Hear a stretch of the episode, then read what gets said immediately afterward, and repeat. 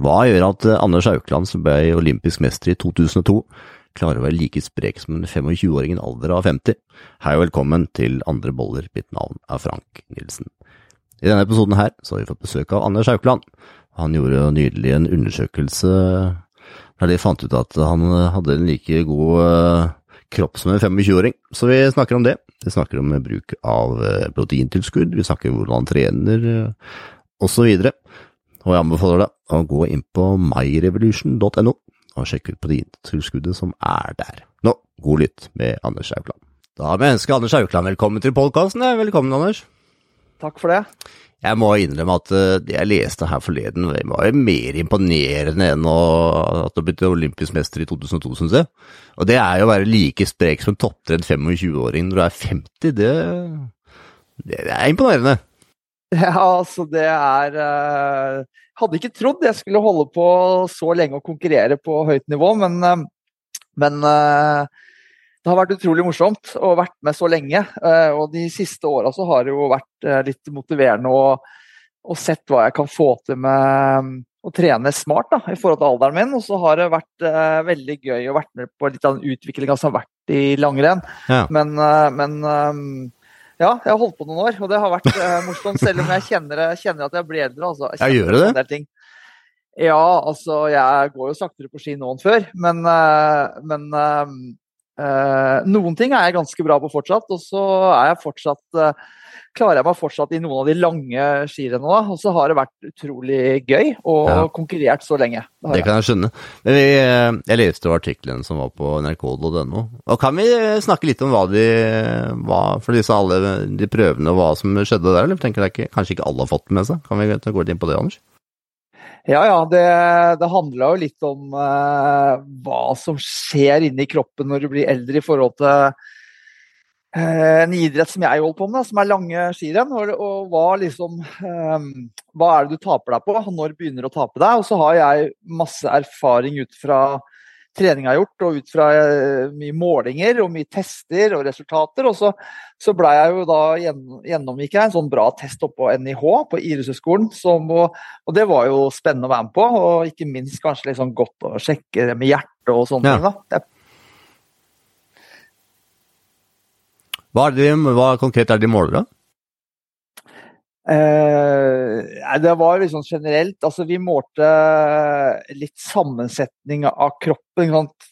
når du blir 50, så noen eh, ser ulik lik ut på innsida. Altså I forhold til muskelmasse, i forhold til fettprosent, i forhold til Uh, en del blodprøver, hvordan lungene, hvordan jeg blåste, volum på lungene. Uh, jeg målte litt på på styrke på no, noen styrkeøvelser og som var relevante for langrenn. Og jeg målte det som var viktigst, kanskje oksygenopptak. Da, eller det er jo det som er et mål for kondisjon. Og det er noe jeg har gjort veldig mye før. Og så En annen test det var at jeg fikk en sånn ordentlig eh, screening og test av hjertet. da, Hvor man ser litt på klaffer og hvordan det funker. Og, og det er jo Interessant. Ja. Har du målt noe av det her før, eller? Jeg har målt veldig mye før. Ja. Eh, det har jeg gjort. Um, så du kunne sammenligne? Kunne sammenligne. Så jeg har jo målt uh, det meste siden jeg var junior, egentlig. 17-18 år. Så, så, det er jo veldig masse tall jeg har da, opp igjennom. Har det skjedd mye forandringer, eller? Fra 17 til 50? Ikke så mye. Det har, det, har skjedd, det har skjedd Det er én vesentlig forskjell, og det er at jeg har litt dårligere kapasitet, altså kondisjon, OT-opptak, enn jeg hadde tidligere. Og så er veldig mange av de andre tinga ganske likt. Eh, og det på styrke har jeg kanskje nesten utvikla meg litt positivt, i hvert fall i siste perioden, for jeg har lagt veldig fokus på det, som kan være bra når du, eh, når du begynner å bli gammel, så må du kompensere på noe. Styrke kan Det heter eldre Anders, ikke gammel. Ja, ja. Eh, men ellers er det ikke så store forskjeller. Men det er det med, med den motoren da, som eh, er litt uh, dårligere enn før. Og så var det liksom spørsmålet hva er årsakene til det, og hvor fort faller det? Og jeg skal jo teste meg mye framover òg, for det er jo på NIH så syns jo de, de, er litt spennende å se hvordan, hvordan det vil utvikle seg videre. For det er jo i dagens samfunn så er det jo mange det er mange mosjonister og det er mange som trener ganske mye i ganske høy alder, og det er jo interessant å, å se hvordan det funker. Ja, jeg syns det er kjempeinteressant. Jeg ble jo nesten litt sånn sjokkert når jeg leste det. Jeg tenkte her er en som har funnet ut uh, nøkkelen til aldring. så det, ja. har det, har det endra seg veldig mye i treningsmengden, uh, eller hva er det som har Eller har det holdt seg? Eller Fortell litt om hvordan det har vært, for du har jo trent aktivt som 17 år gammel. Så har det holdt det uh, hele tiden, eller hvordan har det vært, Anders? Jeg har trent mye hele livet. og har jeg drevet med idrett siden jeg var liten. Og så har jeg jo siden jeg var Eh, ja, eh, før jeg ble 20 så har jeg egentlig vært heltids eh, idrettsutøver.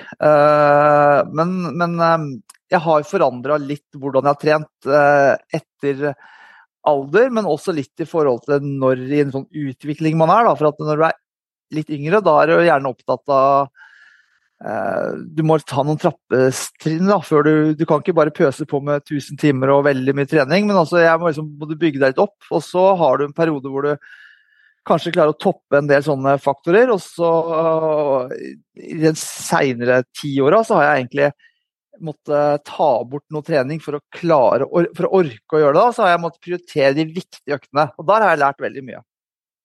Ja, så dette der 80-20-prinsippet?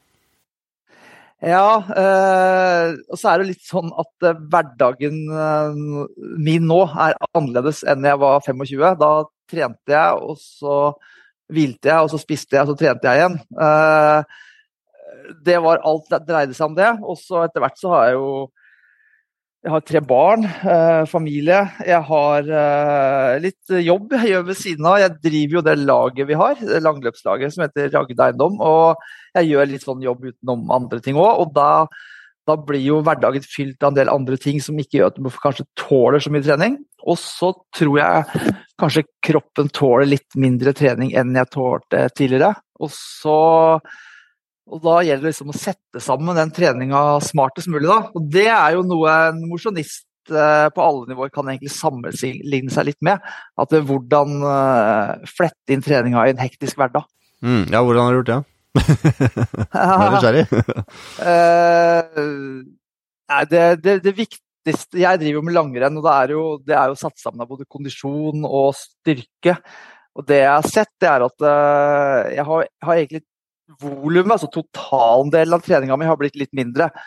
Eh, kanskje 20, 20% 30% mindre enn jeg trente som mest, hele volumet. Men den, den, delen av treninga som er ganske intensiv, da, altså det som er intervalltrening eller hard trening, og styrketrening, den har jeg økt. Jeg har egentlig eh, gjort mer av den treninga som har vært hard og intensiv, og jeg har trent litt mindre volum til sammen.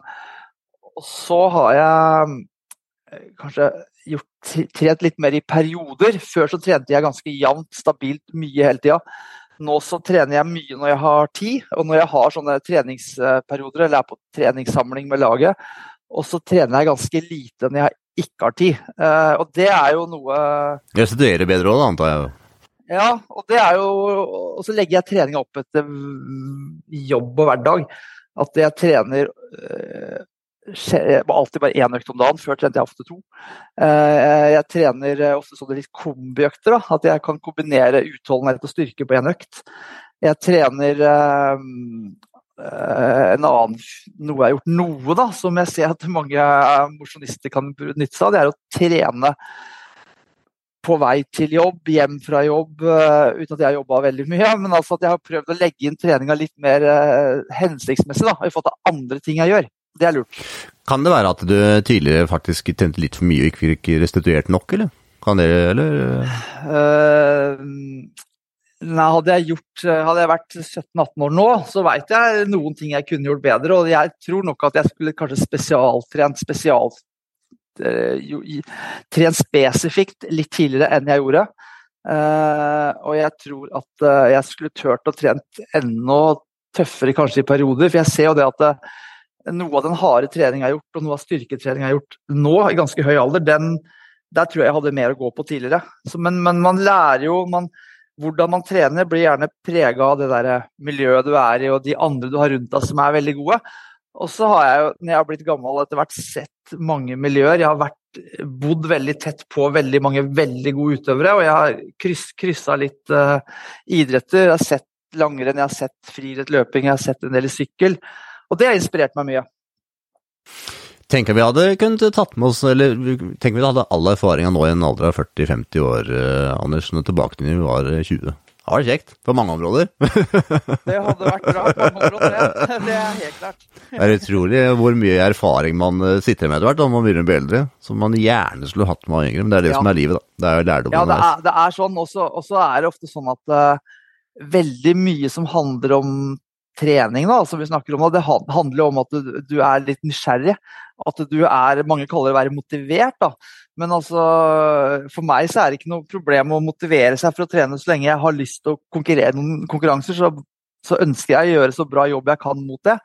Men, men det å egentlig ikke bare gjøre det vanlige standard du har hørt du skal gjøre, men egentlig være litt nysgjerrig på hva er det jeg kan gjøre best mulig her.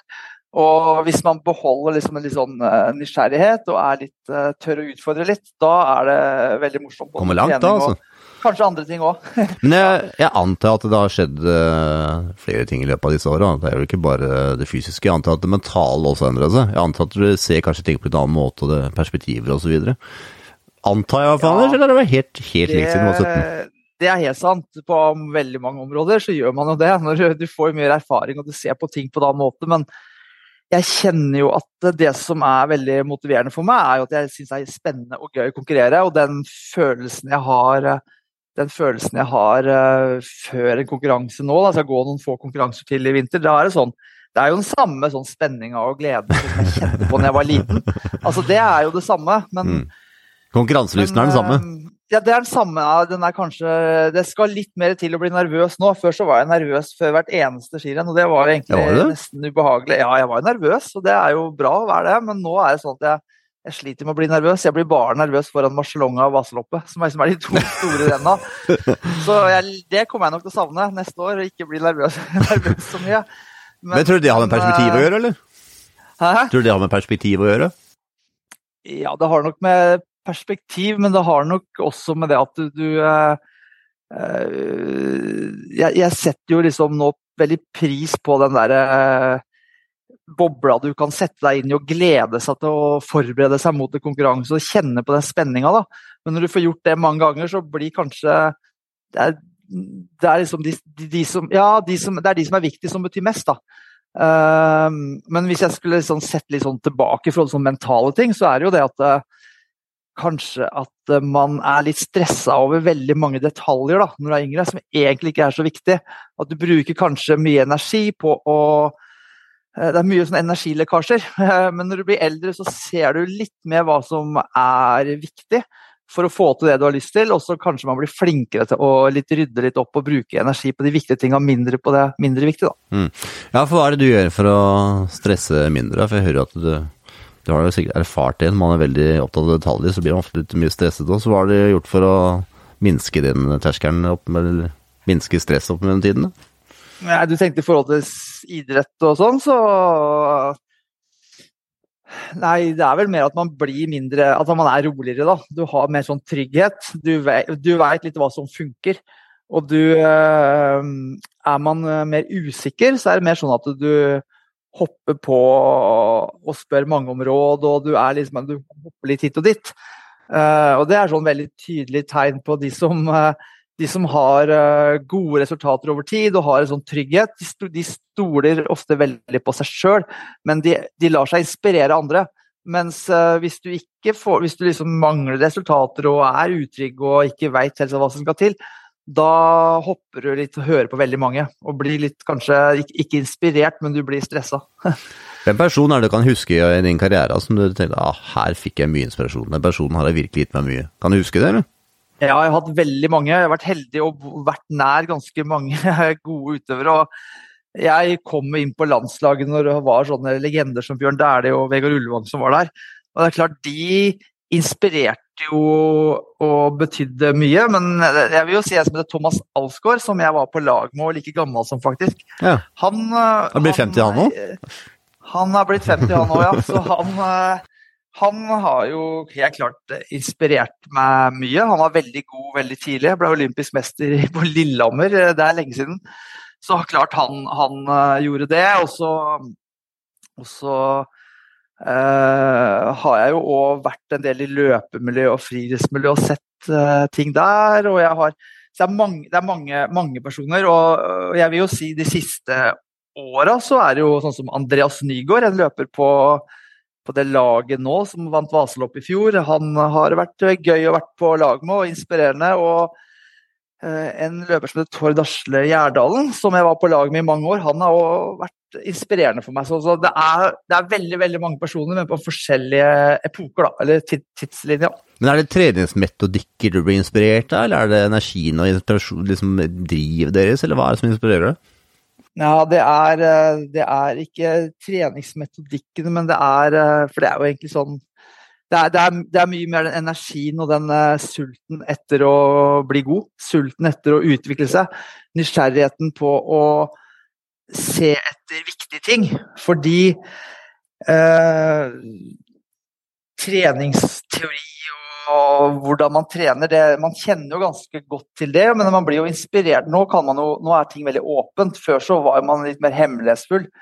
Uh, nå ligger jo alt på Strava, ikke sant? man kan se hva alle gjør. Uh, for de fleste, da. Men noen er fortsatt litt, holder litt igjen, men, men det, er veldig, det, er veldig, åpent på godt og vondt. da, og Det gjør jo at eh, en ung 14-15-16-17-åring kan jo egentlig nesten kopiere en eliteløper. ikke sant? Og det, det, det, er jo bra på en måte, men uh, kanskje det blir en voksentankegangen kommer litt tidlig inn.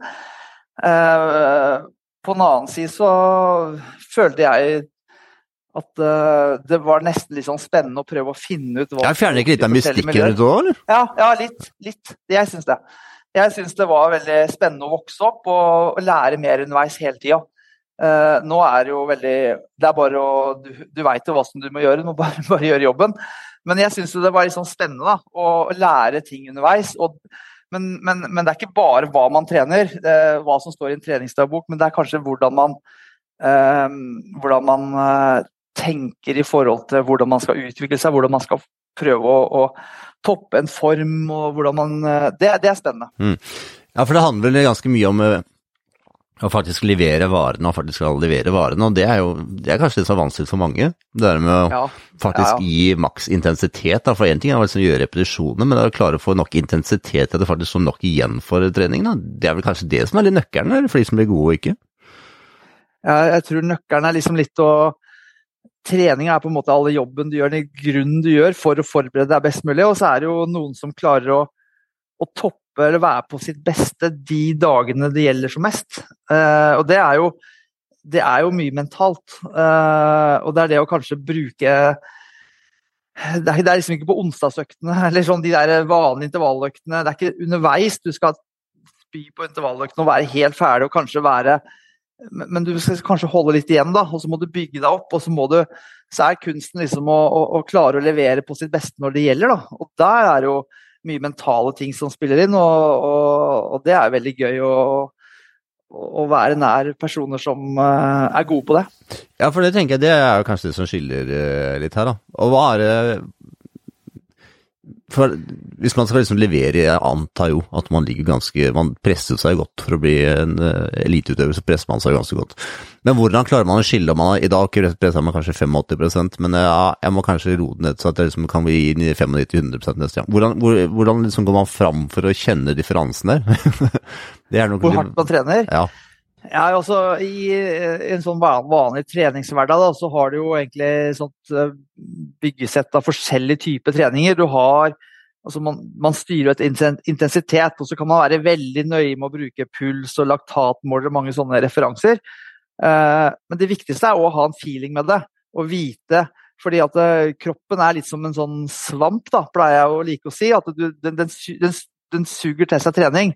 Eh, men når den svampen er full av vann, så om du pøser på med mer vann, så tar, hjelper ikke noe. Og der er veldig mange og Hvis du klarer å kjenne litt på kroppen når er det på tide å liksom skvise den svampen altså, eh, Når er det kroppen er mottagelig for trening, og når er det den ikke er det?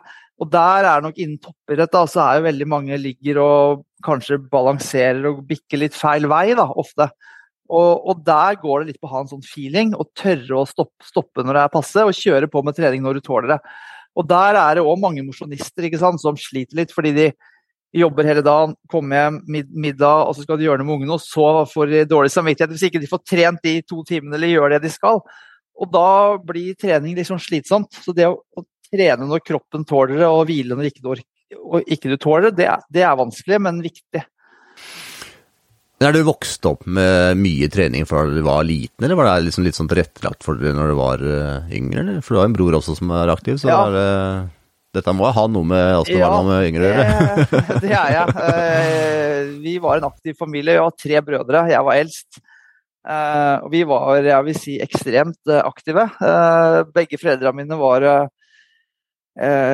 konkurrerte ikke som topprestøvere, men de var glad i, i, aktivitet. og Vi gikk på ski, og vi var på fjellet, og vi var på palleturer og vi var på friluftsliv. Men det var eh, veldig høy aktivitet fra vi var små.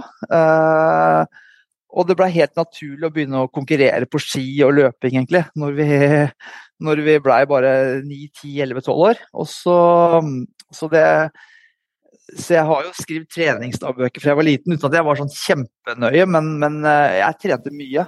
Men Hadde du sulten da òg, eller?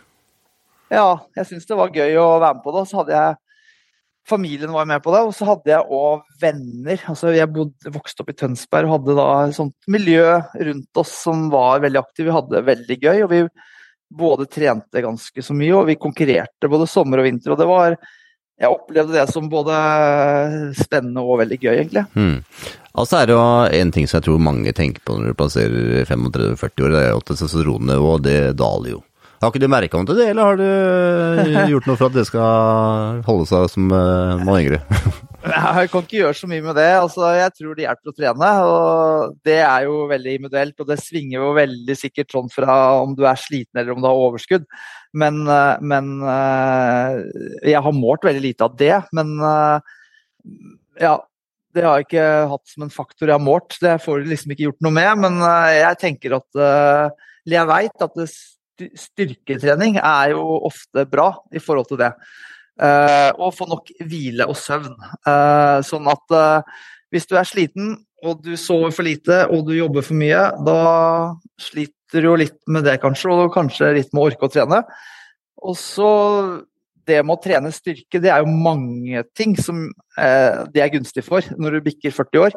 Og kanskje det, det, det her også, da. Men, og det blir jo det bruker jeg mye mer aktivt i treninga mi, både som ordentlig styrkeøkter, men jeg har også noen sånne korte styrkeøkter som jeg bruker litt som sånn restitusjon, egentlig, for å få litt sånn få litt sånn trøkk i kroppen. Da. Så det, det, tror jeg er bra. Og viktigere enn det var da jeg var 25, for da, da var det mer kondisjon jeg fokuserte på. Eh, har du fokus på liksom, nok søvn, eller er det sånn, har du litt sånn uh, avslappa forhold til det? Eller er det sånn nei, nå, nå, skal jeg være i seng, og jeg skal sove til timene der? Nei, jeg har, jeg har avslappa forhold til det, men uh, men uh, jeg kjenner jo det er viktig å få sove nok. Og når jeg er i sånn periode hvor jeg trener veldig bra fram mot et renn, så, så, så, prøver jeg å få nok søvn. Men det er jo ikke noe med åtte, om det er åtte timer eller om jeg, jeg prøver å få sove nok. Og så en ting som jeg gjorde når jeg var yngre, var, eller før, da, det var når jeg trente Jeg hvilte jo alltid etter treninga. Altså, når jeg var ferdig med å trene, så putta jeg i meg mat, næring, og så lå jeg slappa av en time i hvert fall. Eh, så trente jeg igjen, da, ofte på andre økta. Nå gjør jeg ikke det. Nå, nå trener jeg ofte bare én økt. Eh, og den er ofte litt lengre, nesten, men jeg har bare én økt. Og da eh, normalt hele året så er det sånn at med en gang jeg er ferdig med å trene, så er det rett å gjøre noe jobb eller noen mailer eller telefoner eller reise et sted. Men nå, nå, jeg, nå, er jeg inne i en sånn treningsperiode før et uh, viktig renn, og da, da, når jeg er ferdig med å trene, så, så, spiser jeg, så prøver jeg å legge meg på sofaen en halvtime eller en time og slappe av. Det gjør veldig mye, faktisk. Sånn at det Restitusjon henger sammen med trening, og så må du finne en balanse i det. og det er, Der ligger utfordringa for mange som har jobb og familie og unger. Det gjør det. Jeg antar at kosthold òg har vært en viktig del her. da. Jeg vil jo anta det, at du har hatt noe fokus på kosthold der. Ja, eh, jeg føler ikke at jeg har så mye fokus på kostholdet. Eh, jeg spiser forholdsvis normalmat. Eh, ja, hva, hva, er det for noe? Anders? Jeg vet, hva, hva er normal mat? nei, også når du trener sånn kondisjonstrening som jeg gjør, eller trener så mye, så er det jo snakk om å få i seg nok næring ofte. Og det er veldig viktig å få i nok næring eh, kanskje før, ja. Så litt, det, det, eneste jeg tenker på i forhold til kostholdet, er at jeg er flink til å spise, gjøre det jeg skal hvis jeg skal ha viktige økter. Jeg får i meg næring eh, før underveis. Men hva gjelder det da? Er det, altså, er det, drikker du på en måte disse geleen, eller hva, hva, liksom, hva er du Nei, eh, Hva går det i da? Banan, eller? Vanlig, vanlig i dag er eh, par-tre brødskiver til frokost og kanskje et egg eller to. Eh, så er det litt karbo og litt protein, og så trener jeg. Om det er en intervalløkt, så er den kanskje bare på halvannen til to timer. Er det en langtur, så kan det være fem timer. Uh, og noen langturer så passer jeg på å få i meg næring, og da er jo det, da er jo det sukker. ikke sant? Det er jo Seimen sjokolade sportsdrikk som er sukker. da. Uh, ellers er det noen økter jeg prøver å gå på fettforbrenning, altså jeg prøver å gå litt sånn tom. og da, da er det mer sånn lavere på sukker da, på noen lange økter. Jeg har noen sånne. Og etter trening så er det så er det noe omelett eller en brødskive, to-tre brødskiver og blanding av mye brød? ja, mye brød. Mm. Så middag, vanlig middag, og så vanlig kveldsmat. Men, men før Jeg er nøye med å få i meg litt godt med litt karbo og godt med protein rett etter trening. Så jeg spiser alltid innen kvarter etter jeg har trent, ganske så bra.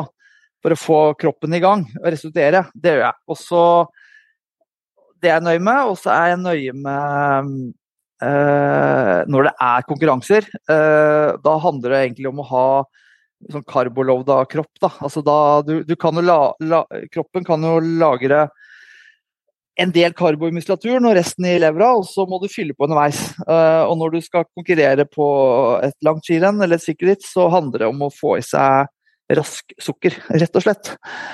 Og det er loff, sjokade, honning, seimen, Gels Gel er jo sukkerblanding, da. Uh, det sånn, det høres ikke ut som noe sånn sunt kosthold, men det, det er jo så fort ut altså. Det spørs åssen bensin du vil gå mm. på. Uh, flybensin, det er sukker. Uh, protein og karbo, det er diesel. det funker. Så, så alle topprestøvere som konkurrerer lange distanser, de, de går på sukker. Så du må ha en mage som tåler det, da. Så mange blir faktisk overraska over det. De tror liksom at vi spiser kli og kli og grønnsaker. Men Nei. fakta er at de siste to dagene før Vaseloppet så spiser jeg ris. Jeg spiser ikke kjøtt, kjøtt i til frokost nesten. Jeg spiser ris, jeg spiser uh, jelly beans, jeg spiser seimen, jeg spiser loff med sjokade. Sylt, syltetøy. Og frokosten før fire timer skirenn, det er to brødskiver med sjokade. Underveis så spiser jeg sukkerdrikk da, uh, og gels. Det er det jeg spiser. Du tar ikke proteintilskudd eller noe sånt, eller? Nei, jeg tar det Jo, jeg tar det ned til en styrke, om det er på lange, rolige turer, men det er gjerne Altså, det er jo eh, en enkel måte bare å få i seg proteiner på, så jeg blander ofte det i en sportsdrikk.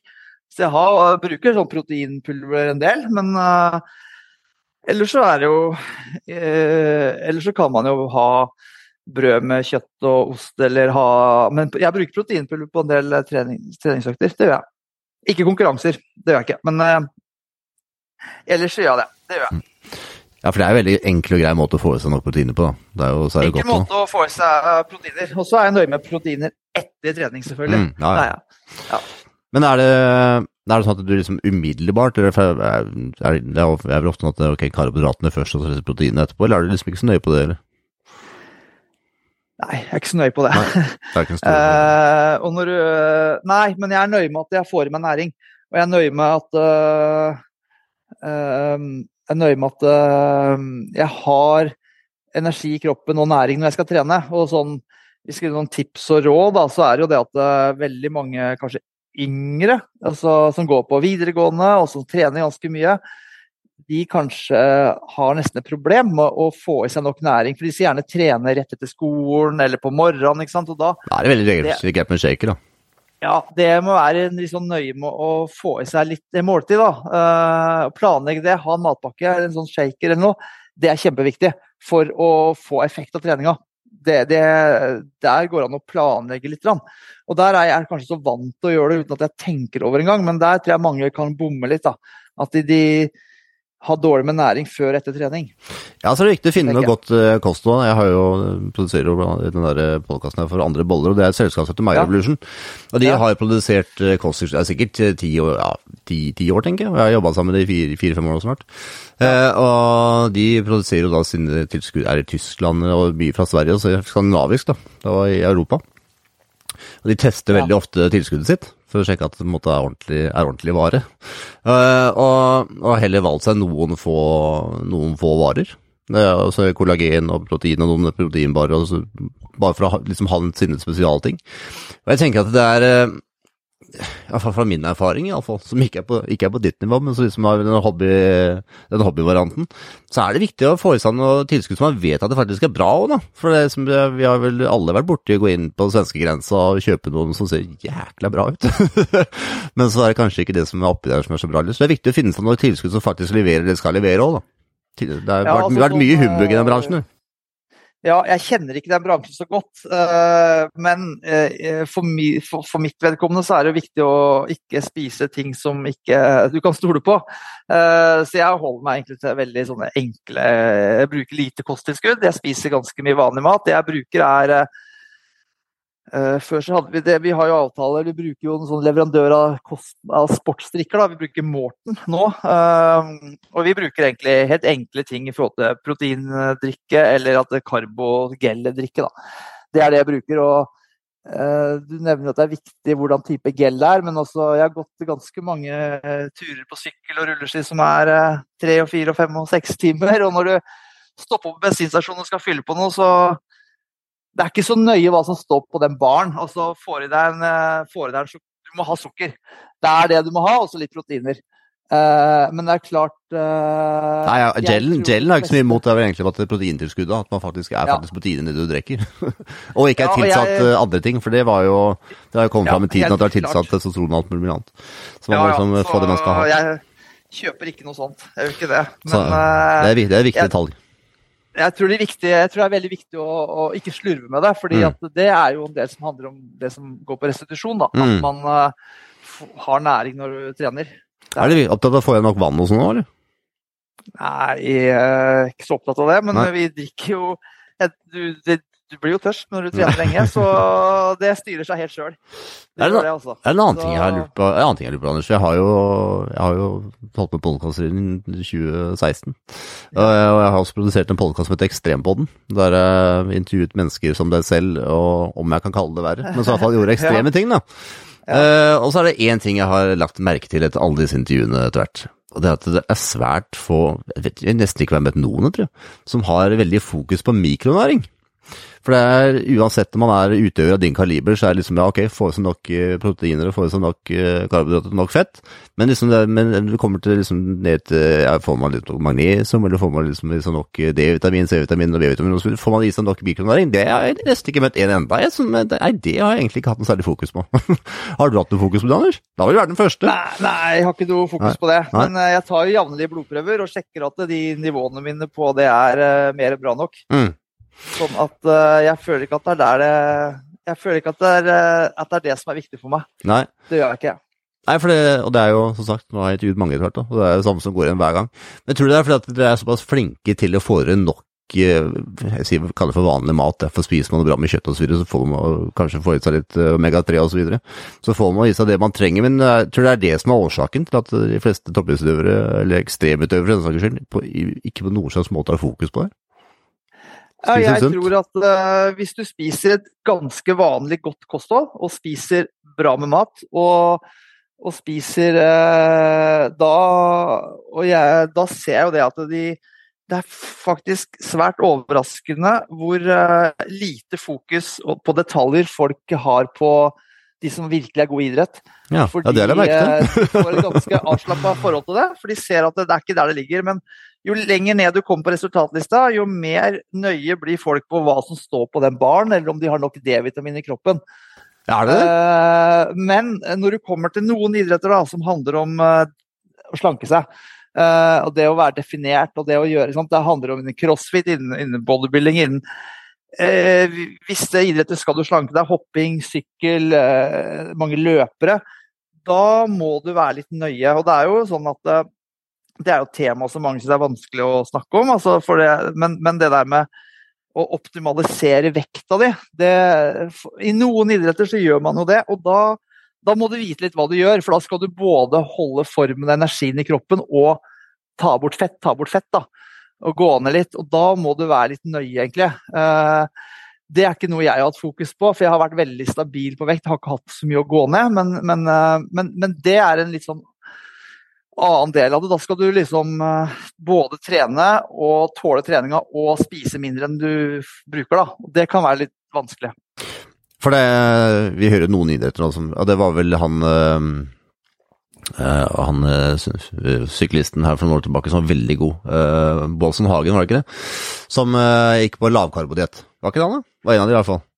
Ja, jeg tror, jeg tror skal, du, skal, du, gå ned i vekt, så går du på litt på lavkarbo. da. Du må ja. brenne litt mer fett, for du vil ha bort litt fett av kroppen mm. uten å miste så mye muskelmasse. Og så når du skal trene Men han brukte vel det i sykkelløpet Tour de France òg, gjorde han ikke det? Altså, så... Ja, han brukte det tidlig Han brukte det vel tidlig ritt, fordi han opplevde at det var problem å gå på fullt på sukker hele tida. Men, eh, men, altså eh, Nei. Det, jo, jeg gjør det noen ganger på trening, men altså Jeg tror, eller jeg vet, at de Uh, sukker er bedre forbrenning enn uh, en fett. Uh, men så handler det om å, hvor lenge du klarer å kjøre den sukkerkrana på fullt da, i forhold til inntaket ditt. og så handler det mye om sånn vektreduksjon. men det her, nå snakker jeg om topprett for, for, å prestere på fullt. altså Det er noe helt annet. Skal du leve et vanlig liv og trene, og mosjonere, da da tror jeg ikke det er sunt å putte i seg masse, masse, sukker mest mulig. Så det er to forskjellige, to forskjellige ting. Det er det. Ja, den ser jeg. Jeg husker for ja, var det i fjor eller året før, som jeg intervjuet en som um, løp fra løp fra, fra nord til sør. Var det på 30 dager eller 33 dager eller noe sånt? Ja, ja. Og det han spiste underveis, han dytta vel inn alt fra kake til hamburger. Han klarte vel bare så vidt å få spist nok uansett hva det var mens han løp hver dag. Så ja. man må jo være litt sånn Hva var du sånn glad i mat òg, Anders? Materielt ja. var glad i mat òg? Ja, jeg er glad i mat, men jeg har jo gått noen sånne lange skiturer. Jeg gikk en sånn ekstremtur for et par år siden på ski, og da, og da, da viser det seg at det, det, du egentlig spiser, det er egentlig det du klarer å få i deg. Det er magen og kroppen. Når det handler om sånne, multis, sånne lange, lange ting, da, da gjelder det å finne ting som du som du tåler over tid.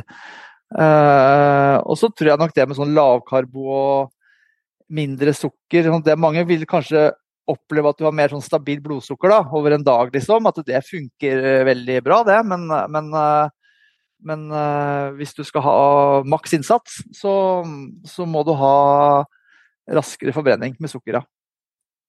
Sånn avslutningsvis, Anders, er det noe du merker liksom, sånn mentalt år, som du liksom, liksom merker at ja, ok, ja, det her, det, her er et, det her er skikkelig utbytte av å gjøre noe med? Eller har du liksom hatt den samme mentaliteten hele veien? Um, det, viktigste for meg, ja, det viktigste det er egentlig å ha hatt personer uh, rundt meg som har gjort meg motivert. Uh, og der har det vært litt viktig å få inn noen nye innimellom, sånn som på det laget jeg har hatt. da, som ja, det å få inn det som Noen personer har hatt en sånn ekstrem sånn sult på utvikling, har vært veldig sånn nysgjerrig på trening, nysgjerrig på teknikk. Eh, og det blir jeg inspirert av. For det er veldig lett å sovne litt. Du tror at uh, det du gjør er bra nok. Uh, du, du, blir litt lei, da. Og i idrett så er det jo sånn Det er hele tida en liten utvikling der. Og hvis du har så unge løpere, og noen løpere har en mer sånn sult kanskje enn de som er eh, holdt på lenge. Så jeg tror det er viktig med å omgi seg med personer som kan gi mye av det. Da. Det tror jeg er viktig. Hvor lenge har du tenkt å holde på før du tenker at nei, nå, nå setter jeg fram åren, setter fram skistaven og tida? Det er siste sesongen jeg konkurrerer i vinter, i år. Så jeg skal jeg trener for fullt nå før eh, Nå er det Vasaloppet. Og, og, så skal jeg gå et par renn til ut sesongen. Og så, og så, skal jeg ikke konkurrere på ski mer. Da, da, får jeg en annen rolle i skilaget. Men det er siste sesongen jeg konkurrerer, ja. Det er det. Men, ja, hva skal du gjøre nå da?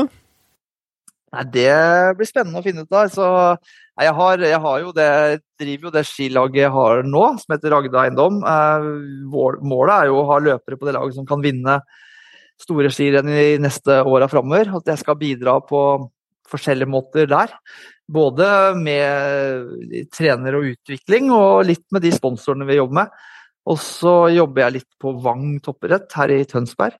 Det er spennende med unge utøvere som har lyst til å bli gode. Og så har jeg en sønn på 18, han fyller snart 19, som heter Oliver, som er bra på sykkel. Han sykler.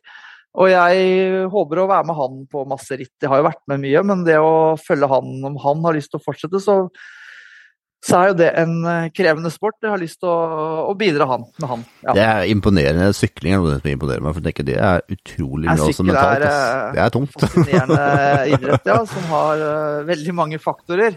Som Det, er, veldig, er veldig spennende. Ja, der, ja, jeg var med jeg var med Ronny Husodd og så det laget ja. til Tor i Spania for noen år tilbake. Ja, eh, og Da var jeg med disse ungdommene. Jeg var jo følgebil, og de syklet ned fjellene. Jeg hadde jo ikke sjans til å holde følge der de syklet ned fjellene.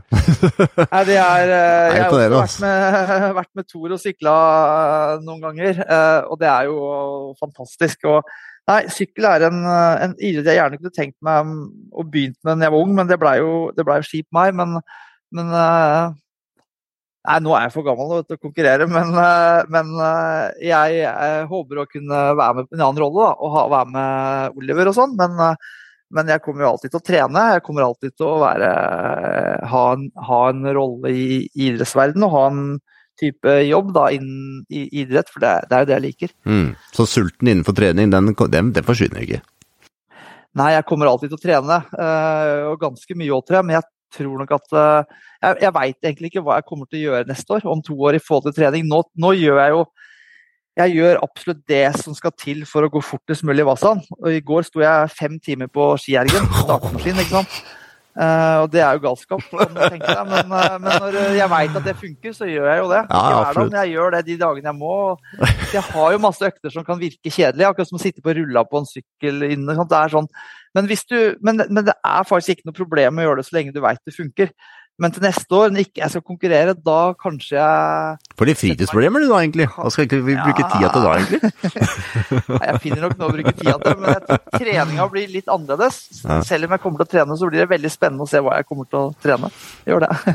ja, for det er jo noe med at man er vant med å Jeg tror det er mye følelser òg, for man får veldig mye mestring òg. Veldig mye mestringsfølelse man får trent mye òg. Deilig følelse på kroppen, det er, for det skjer jo noe. Jeg må nødt til å spørre, ja, bruker du noe, bruker du noe kuldeeksponering eller noe badstue, eller bruker du den, den type ting? Nei, jeg gjør ikke det. Uh, men jeg er helt enig med at du får en veldig sånn god følelse av å trene. Det blir en mm. mental ting òg. Så jeg tror, mm. jeg, jeg tror, faktisk hvis jeg ikke er trener, så kommer jeg nok til å ha det Da blir du sur. Da blir jeg sur, så jeg må nok trene. Så, så, det, det veit jeg at jeg kommer til å gjøre. Da blir du plutselig sånn gammel grinebitter ut, Anders. Nei, det skal jeg ikke bli, men, eh, men eh, jeg, skal, jeg, skal, sørge for å få trent nok. Da må, da må jeg bare ønske deg lykke til i løpet, Anders. Tusen takk for det. Så tusen takk for samtalen. Veldig hyggelig. Fint. Ha en fin dag, da. Ha, ha det. Ha det. Ha det.